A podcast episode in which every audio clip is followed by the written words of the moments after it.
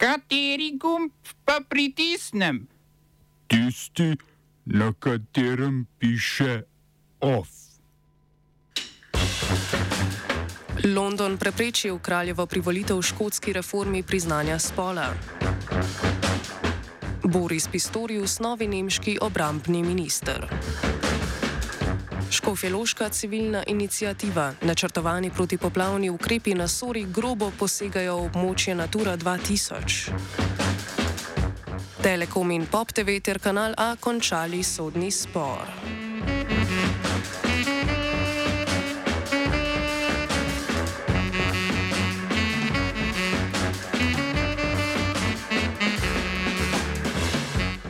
Britanski minister za škotsko Alistair Jack je preprečil kraljevo privolitev škotski reformi priznanja spola. Jack je prvič, odkar je Škotska pred koncem tisočletja znova vzpostavila lasten parlament, uporabil 35. člen zakona o Škotski, ki ureja razmerje med londonsko in edinburško oblastjo. To je storil z argumentom, da bi uveljavitev sprememb na področju priznanja spola nasprotovala izvajanju zakona o enakosti na ravni celotne Velike Britanije. Škotska premijejka Nikola Sturgeon je Jackovo odločitev označila za frontalni napad na škotski parlament, v preteklosti pa je že napovedala pritožbo z namenom ugotovitve, ali spada področje priznanja spola med pristojnosti škotskega ali britanskega parlamenta. Reforma priznanja spola, ki jo je konec decembra sprejel škotski parlament, bi za transspolne osebe odpravila nekatere omejitve pri spremembi spola na osebnem dokumentu. Zato trans osebe ne bi več potrebovali diagnoze motnje spolne identitete. Poleg tega bi bilo tako imenovano testno obdobje za življenje v novo deklariranem spolu skrajšano, zakon pa bi znižal tudi starostno mejo, pri kateri lahko osebe zaprosijo za spremembo spola.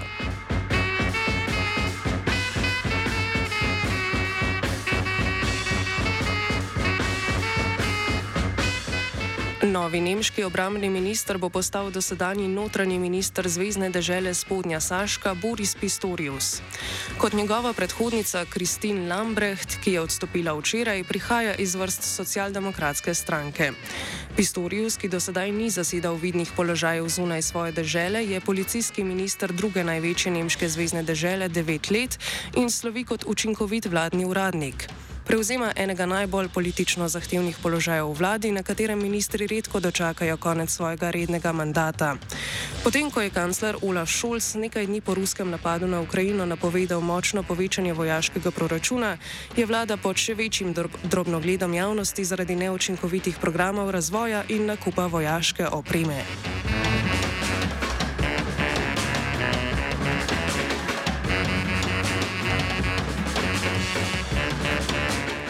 Kljub drugačnim napovedim kanclerja pred enim letom, nemški proračun tudi letos še ne bo dosegal NATO obljubljenih dveh odstotkov bruto domačega proizvoda. Da bi to številko dosegli do leta 2025 in hkrati ne bi presegli koalicijskega dogovora o zmanjšanju proračunskega primankljaja, ima vlada na voljo 100 milijarden obrambni sklad, ki se črpa izven rednega proračuna in naj bi bil namenjen predvsem nakupu novih vojaških sistemov. V zadnjem letu se je vlada odločila za nakup ameriških lovskih ameriških letal F-35 in prav tako ameriških težkih helikopterjev. To je povzročilo nemalo odpora v politično vplivni nemški vojaški industriji, ki si od povečanih proračunov obeta boljše čase po dveh desetletjih, ko se je močno zanašala na izvoz. Skrb, ki bo Pistoriusu vsaj delno prihranjena, je odločitev o donaciji tankov Leopard 2 Ukrajini, saj ima pri tovrstnih diplomatsko kočljivih odločitvah v trenutni nemški vladi glavno besedo kancler.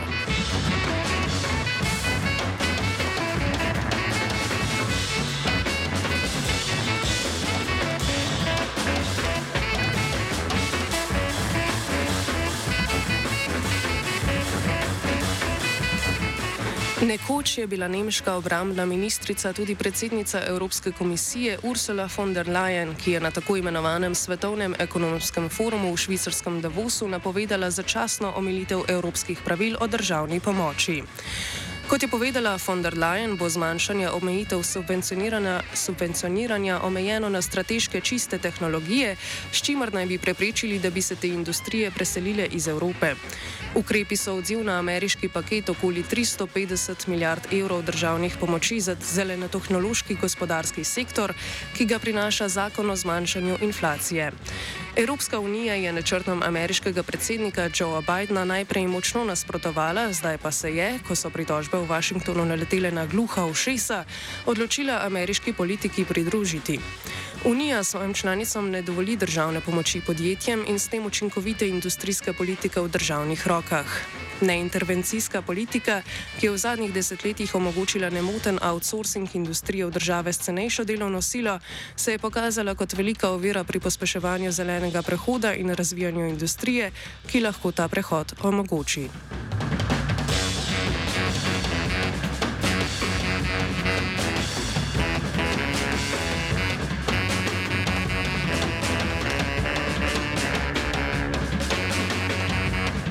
Največ je, doda, je od outsourcinga evropske industrije pridobila Kitajska. Kitajski statistični urad je ob koncu tigrovega leta sporočil, da je število prebivalcev Kitajske v lanskem letu upadlo za okrog 850 tisoč ljudi. Kitajcev je še zmeraj dobro milijardo in dve petini. Gre za prvi padec števila kitajskega prebivalstva od leta 1961. Lani se je na Kitajskem rodilo manj kot sedem otrok na tisoč prebivalk, torej tri četrt otroka manj na tisoč prebivalka kot leta 2021. Tako je urad zabeležil najnižjo rodnost, odkar zbira podatke. Po napovedih strokovnjakov Združenih narodov se bo število prebivalcev Kitajske do leta 2050 zmanjšalo za 109 milijonov. Kot je dejal vodja kitajskega urada Kang Yi, ljudem ni treba skrbeti, saj splošna ponudba delovne sile še zmeraj presega povpraševanje po njej.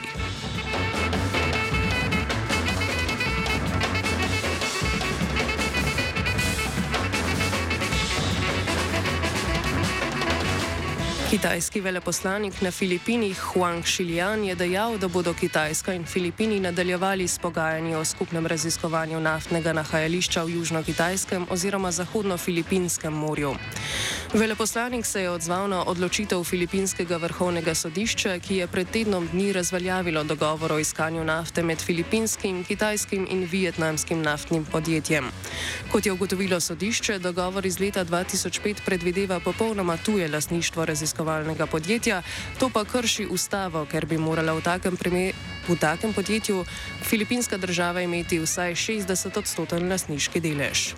Dogovor o raziskavah morskega dna v spornem ozemlju, ki po stališču Filipinov večinoma leži v filipinski ekskluzivni gospodarski coni, je sicer zapadel, a sta se kitajski predsednik Xi Jinping in novi filipinski predsednik Ferdinand Marcos tik pred odločitvijo sodišča strinjala, da ga bosta državi poskusili obnoviti.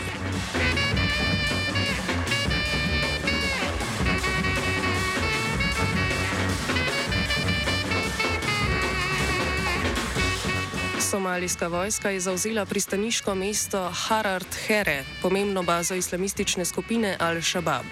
Gre za večji uspeh v ofenzivi, ki so jo vladne sile v zvezi z lokalnimi klanskimi milicami začele prejšnjega avgusta. Kot se je izrazil obramni minister Abdur Kadir Mohamed Nur, zauzetje mesta v Indijskem oceanu in bližnjih naseljih pomeni, da je Al-Shabaab nadvladan in odpravljen. Njegove besede pod vprašaj postavlja način delovanja skupine, ki lažje kakor vladna vojska nadzoruje ruralna območja, v katerih ponovno nabira svoje moči. Al-Shabaab je v odprtem konfliktu s tedaj prehodno vlado od leta 2007. Smo se osamosvojili, nismo se pa osvobodili. Naslednje število je še 500 projektov izpiljene modele, kako so se strani nekdanje LDS rotirali. Ko to dvoje zmešamo v pravilno zmes, dobimo zgodbo o uspehu. Takemu političnemu razvoju se reče udar. Jaz to vem, da je nezakonito, ampak kaj nam pa ostane? Brutalni obračun s politično korupcijo. To je Slovenija, tukaj je naša zemlja, to je Slovenija, Slovenija, Slovenija. Telekom in Pop TV ter Kanal A so končali sodni spor glede plačila za distribucijo programov. Telekom je omaknil tožbo proti Pop TV-ju in kanalu A, televiziji pa sta omaknili svojo tožbo proti Telekomu. Telekom je televiziji tožil konec leta 2021 in zahteval vračilo slabih 12,4 milijona evrov. Na Telekomu so menili, da televiziji zlorabljata prevladojoč položaj na trgu, zato naj bi za njune programe plačeval nepošteno in ekscesno ceno. Maja lani sta televiziji tožili Telekom in zahtevali več kot 58 milijonov evrov.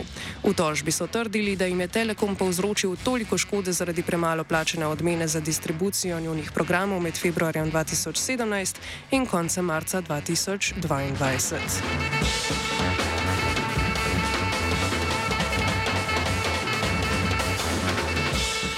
V civilni inicijativi Varuhi Sore so zbrali več kot 500 podpisov pod peticijo, ki Škofeloško občino poziva k sonaravni protipoplavni ureditvi reke Sore. Kot trdijo v civilni inicijativi, načrti občine za protipoplavno ureditev sotočja Selške in Poljanske Sore ter obrežja Sore v centru mesta grobo posegajo v območje Natura 2000. Kaj točno s peticijo želijo doseči in ali ni glede na to, da je občina z direkcijo za vode že sklenila investicijski sporazum, za njihovo pobudo prepozno, nam je pojasnila ena pobudnic inicijative Varuhi Sore, Urška Kovač Mrak. Zahtevamo, da se uh, protipoplavni ukrepi izvajajo na način, ki, v, ki je edina prava izbira za današnji čas, da se gre nazaj k naravi, da se upošteva naravne zakonitosti, da se sledi povsem naravovarstvenim smernicam in da se reko Soro ne le ohranja, ampak da se jo tudi oživi in ponaravlja. Problem je, ker ti projekti, ki so trenutno uh, predstavljeni, uh, pa recimo temu v igri, uh, temelijo na betonu in temeljijo na degradaciji naravnega prostora. Gradbenega dovoljenja še ni. So neki načrti, ki so bili snovani deset let, ki jih je možno tudi videti na občinski strani v obliki vizualizacij, vendar uh, gradbenega dovoljenja še ni. Tako da dokler ni, ni vloge za gradbeno dovoljenje, do takrat se da še vse spremeniti, ne glede na to, kam in kako so zapeljani trenutni projekti.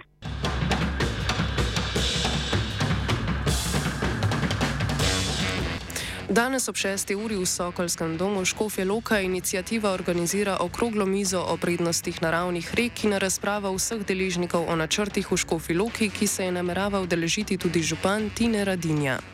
V resnici je naša največja želja, da danes na tej okrogli mizi soočimo, da se soočimo vsi deležniki, od investitorja javnih zavodov, ki dajo projektne pogoje mnenja, projektantska ekipa, naravovarstvena stroka, ki v dosedanjem snovanju projektne dokumentacije še ni bila v zadostni meri vključena v sodelovanje in pa širša javnost. Protipoplavno zaščito si želimo. Želimo si sam zagotoviti boljši jutri za za nas, za prihodne generacije. Nejcov Marceno v spomin, Martin in Gal.